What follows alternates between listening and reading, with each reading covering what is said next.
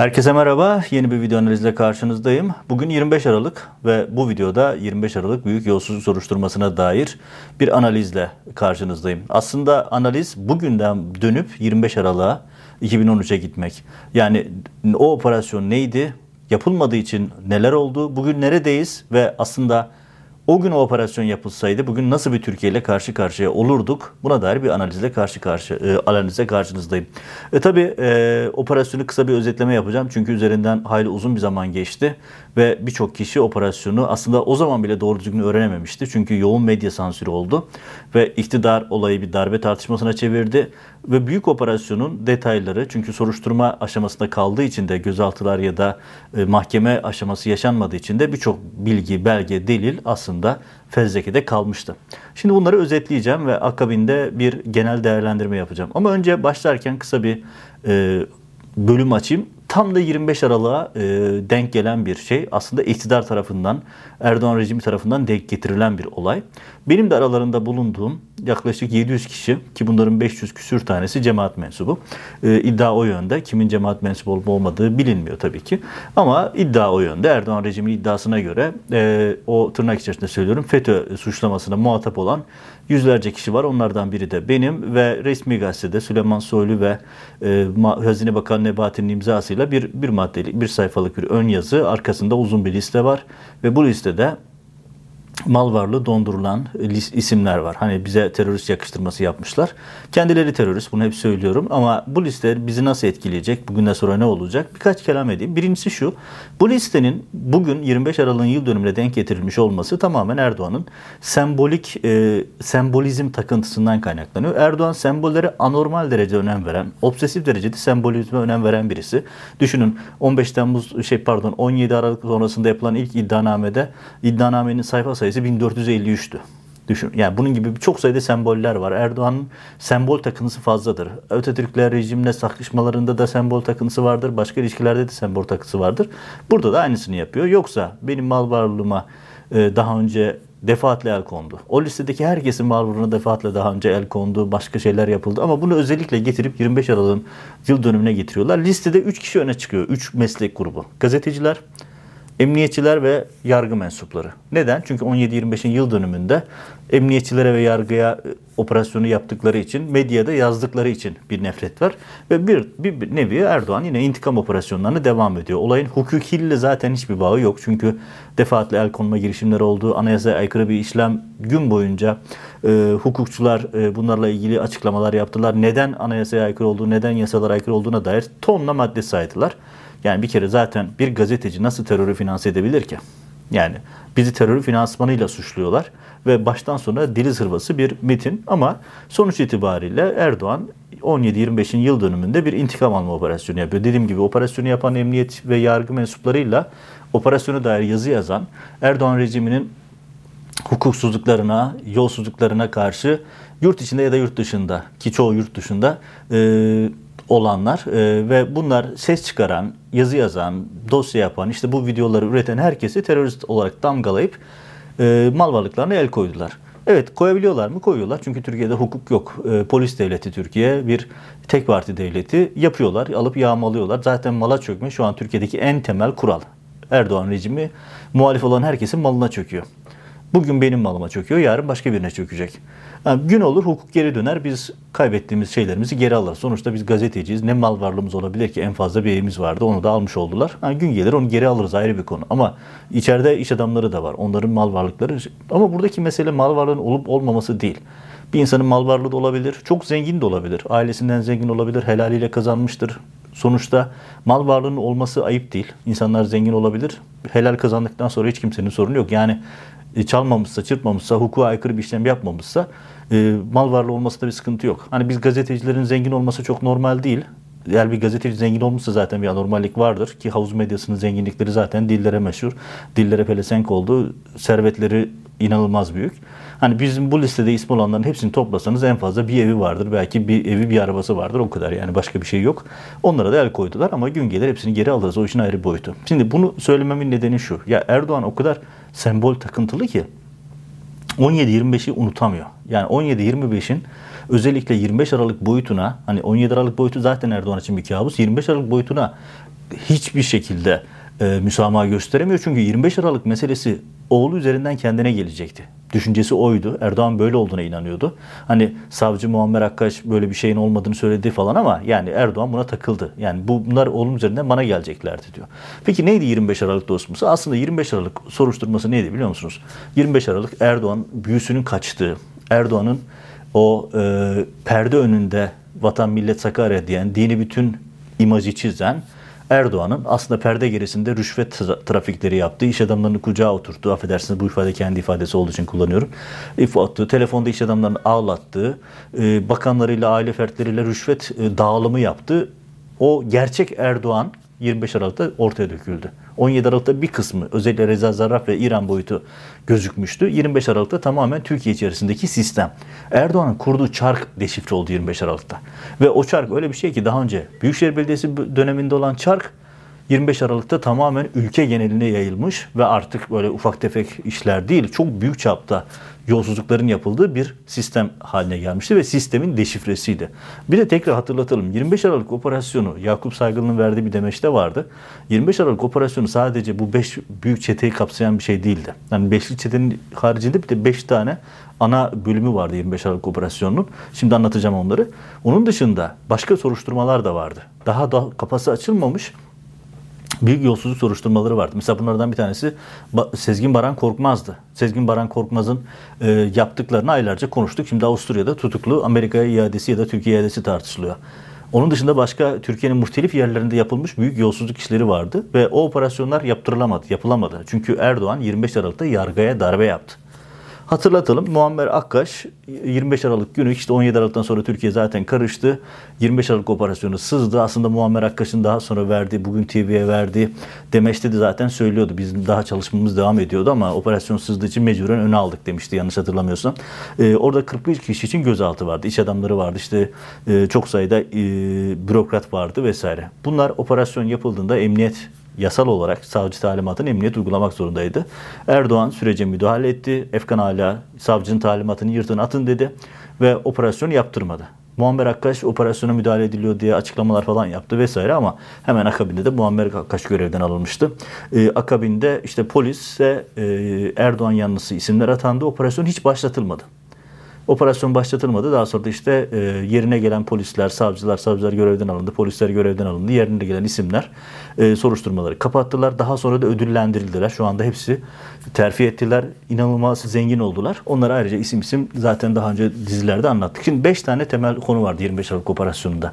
Bir tanesi Etiler Polis Okulu. Yasin El Kadı, Yasin El Kadı biliyorsunuz işte Türkiye'ye girişi yasakken e, özel uçakla geliyordu. Havalimanında özel aprondan alınıyordu. Erdoğan'ın koruması, koruma müdürü Hakan Fidan organize ediyordu vesaire. Yani Türkiye'ye giriş yasak olan. Yasak kararı doğru diye yanlış da demiyorum. O başka bir tartışma konusu. Ama bu sürede Yasin El Kadı ile Erdoğan arasında yoğun ilişkiler var. Etiler Polis Okulu. Çok değerli bir arazi. Milyar dolar değerinde. Buraya çökmeyi planlıyorlar. İşte soruşturmanın içerisinde telefon tepeleri var, fotoğraflar var, maketler var. Bütün şey 17 Aralık operasyonu gibi 25 Aralık. Yani resmen fotoğraman olarak size bir yolsuzluğun bütün fotoğrafını gösteriyor. Telefon tapeleri var, yazışmalar var, kurulan Bosporus 360 diye bir şirket var.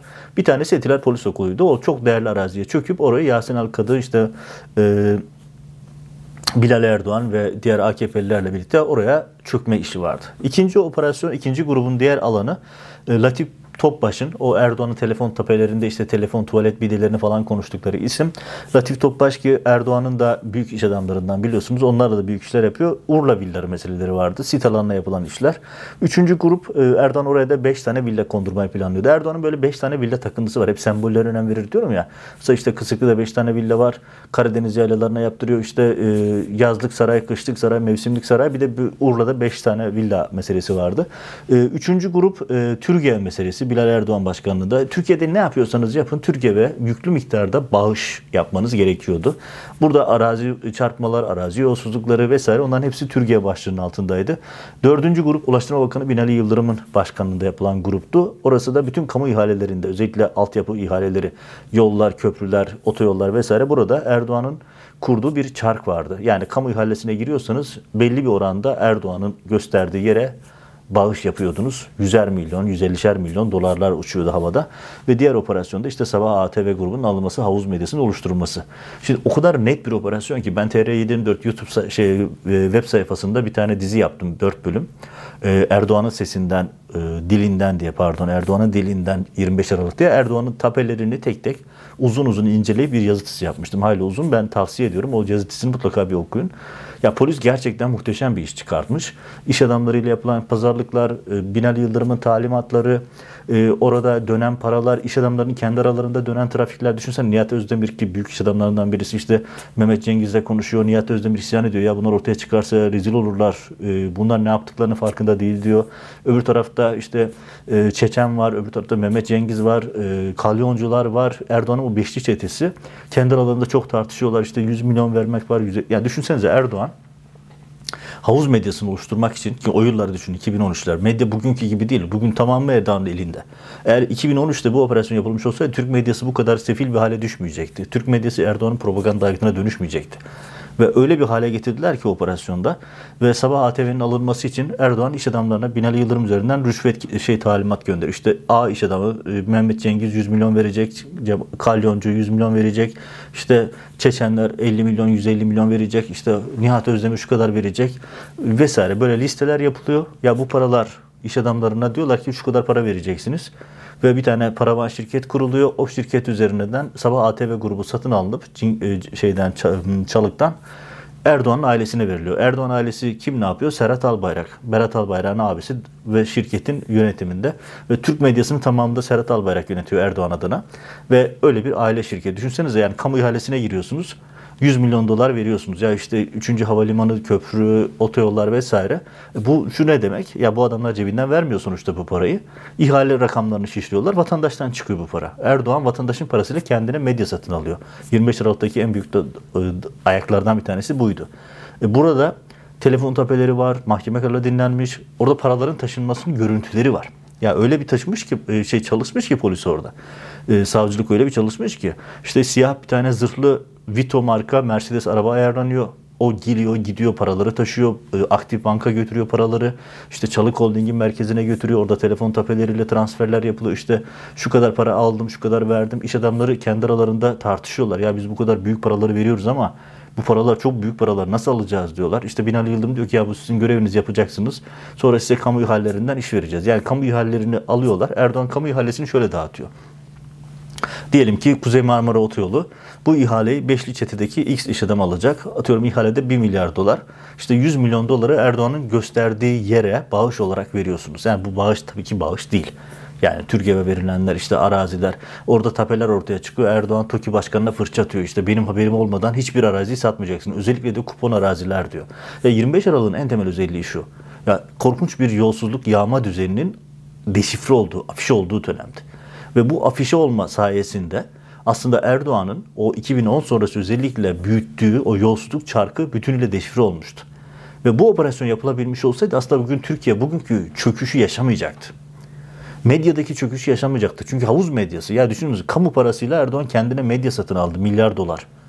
Ve bu paranın hazırla, verilmesi aşamasında aslında olağanüstü yolsuzluklar var. İşte mesela Murdoch grubu bu kanalı satın almak isterken e, ona verilmiyor. Akabinde e, uzun uzun detaylara girmeyeceğim. İşte çok küçük komik bir rakama bu iş e, Sabah ATV grubu e, Erdoğan'ın belirlediği kişilere veriliyor. Onlar yönetimi tamamen Erdoğan'a teslim ediyor. Alo Fatihler yaşanıyor. Düşünün Erdoğan televizyonu arayıp altyazılara karışıyor, muhalefete karışıyor, çıkaracak konuklara karışıyor vesaire. Ya öyle bir şey ki Erdoğan hani ülkeye tam anlamıyla çökmüş vaziyette ve 25 Aralık bu çöküşün afişi olduğu tarihti.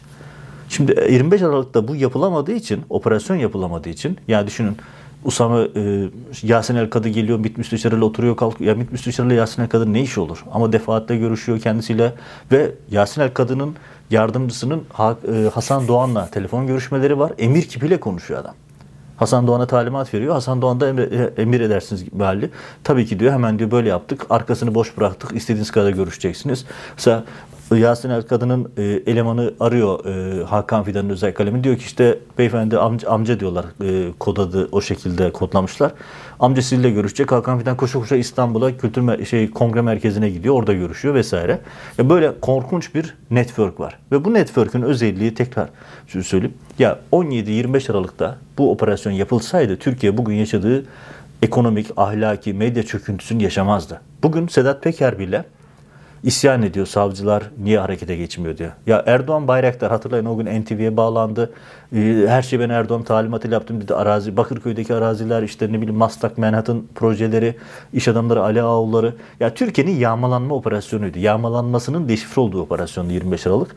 Ve orada dönen paralar, rüşvetler, e, milyonlarca dolar, 100 milyon, 150 milyon dolardan bahsediyoruz. Yani düşünsenize bir iş adamı gidiyor 150 milyon doları Erdoğan'ın işaret ettiği yere götürüyor bırakıyor.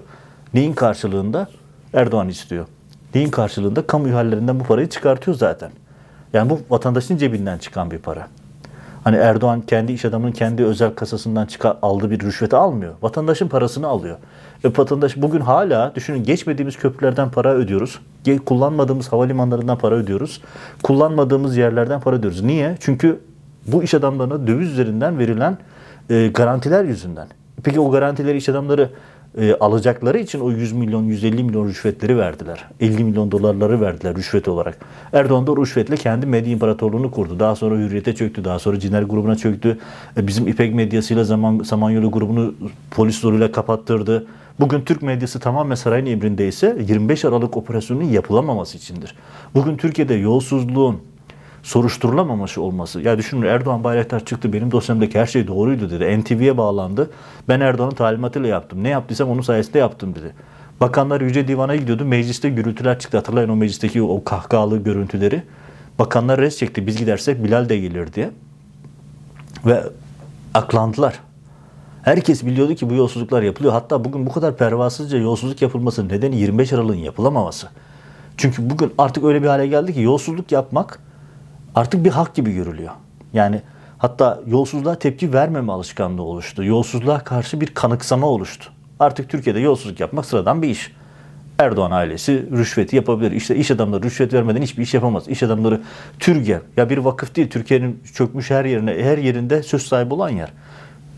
Türkiye'nin en güzel yerlerindeki araziler, binalar TÜRGEV'e verilmek zorunda. Siz bir ihale alacaksanız TÜRGEV'e ya da işte TÜRGEV'e, Tür, e, Ensar'a onların kurduğu vakıflara para bağışlamak zorundasınız. Bunlar öyle böyle paralar değil. Ve rüşvet olmadan ihalelere giremiyorsunuz. Yani o beşli çete dışında Türkiye'de ihale alabilen yok. Onların vergileri sıfırlanıyor. İşte onlara geçiş garantileri veriliyor. Korkunç paralar veriliyor. Neden? Çünkü onların hepsi zaten iş adamları bunları rüşvet olarak ödedi. O rüşvetin parasını da Halk Bankası'ndan, kamu bankalarından aldılar zaten. Yani o iş adamları verdikleri rüşveti de kamu bankasından kredi alarak aldılar. Sonra vergi borçları sıfırlandı vesaire. Şimdi uzun uzun dosyaların detaylarına girmeyeceğim. Ama 25 Aralık yapılabilseydi Türkiye bugün yaşadığı çöküşü yaşamazdı. Bakın 25 Aralık'ta Türkiye bir polis devletine dönüştü. Çünkü polise Erdoğan, Efkan Ali o zamanki bakan izin verdirmedi, operasyonu yaptırmadı. Emniyetçilerin hepsi tutuklandı. Hala cezaevindeler. Savcılar tutuklandı ya da sürgündeler. Ve o gün bugündür Türkiye'de yolsuzluk operasyonu yapılamıyor. Yolsuzluk konusunda biz dünyada en üst sıraya çıktık. İşte birkaç ay önce bir video yapmıştım. Türkiye yolsuzluk endeksinde organize suçlarda Avrupa'da bir, dünyada 6. sıraya çıktı. Düşünün yani bakan dedi ki benimle ilgili her şey doğru cesur bir savcı arıyorum. Savcı bulamıyorsunuz. Çünkü bütün savcılar tutuklandı. Operasyon ya Türkiye'de artık hangi savcı çıkacak yolsuzluk soruşturması yapabilecek? Kendini Silivri'de ya da Sincin'de bulur. 7-8 sene eşleri çocukları dahil olmak üzere süründürürler. Su bile vermiyorlar o operasyon yapan polislere. Kaloriferlerini yakmıyorlar. Kıştayız hepsi hasta oluyor. Bu kadar büyük sıkıntılar yaşıyorlar ve bunun kaynağı 25 Aralık'tı.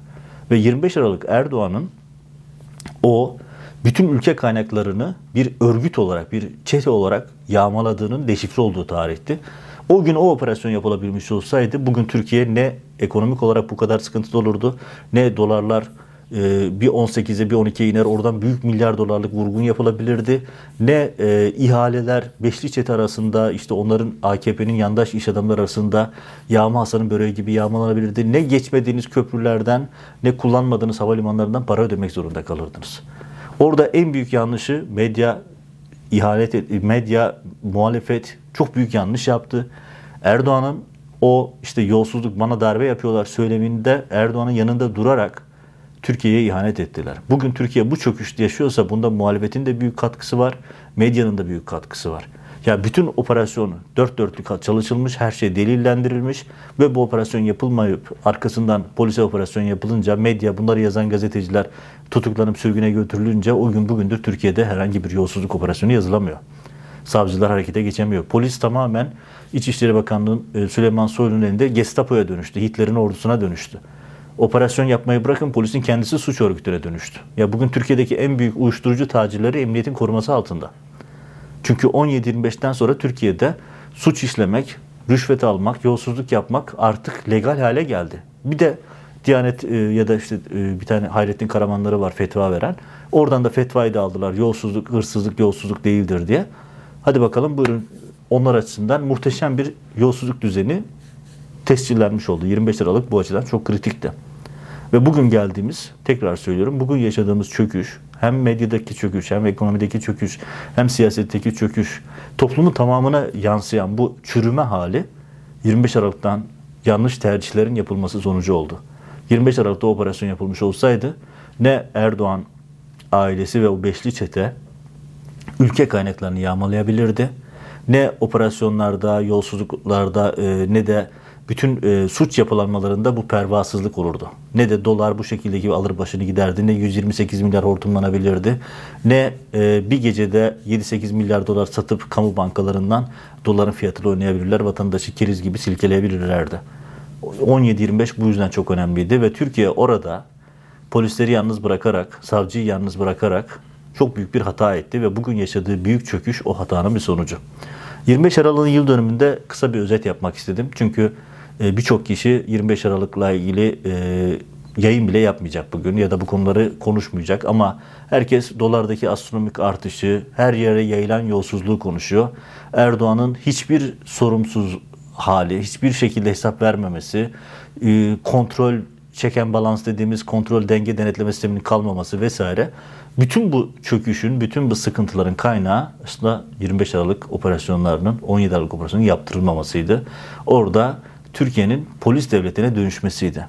Orada Erdoğan yargıya darbe yaptı, emniyete darbe yaptı, medya darbe yaptı ve medyanın ve bir takım sivil toplum örgütlerinin yanlış tarafı tutması, yanlış tarafta durması, hukuku korunmaması sebebiyle Türkiye o gün bugündür iki yakası bir araya gelmiyor ve her geçen gün daha da kötü olmaya devam ediyor. Hani yoğun e, dolar tartışmaları sebebiyle oturup video yapamadım. Başka gündemlerim vardı ama şunu söyleyeyim. Erdoğan şu anda kamu gücüyle, e, kamu bankalarıyla zoraki olarak dolarla oynuyor. Bir baskın seçim hazırlığı yapıyor. Buna dair birkaç video yapmıştım. Birkaç ay belki doları sabit tutabilir.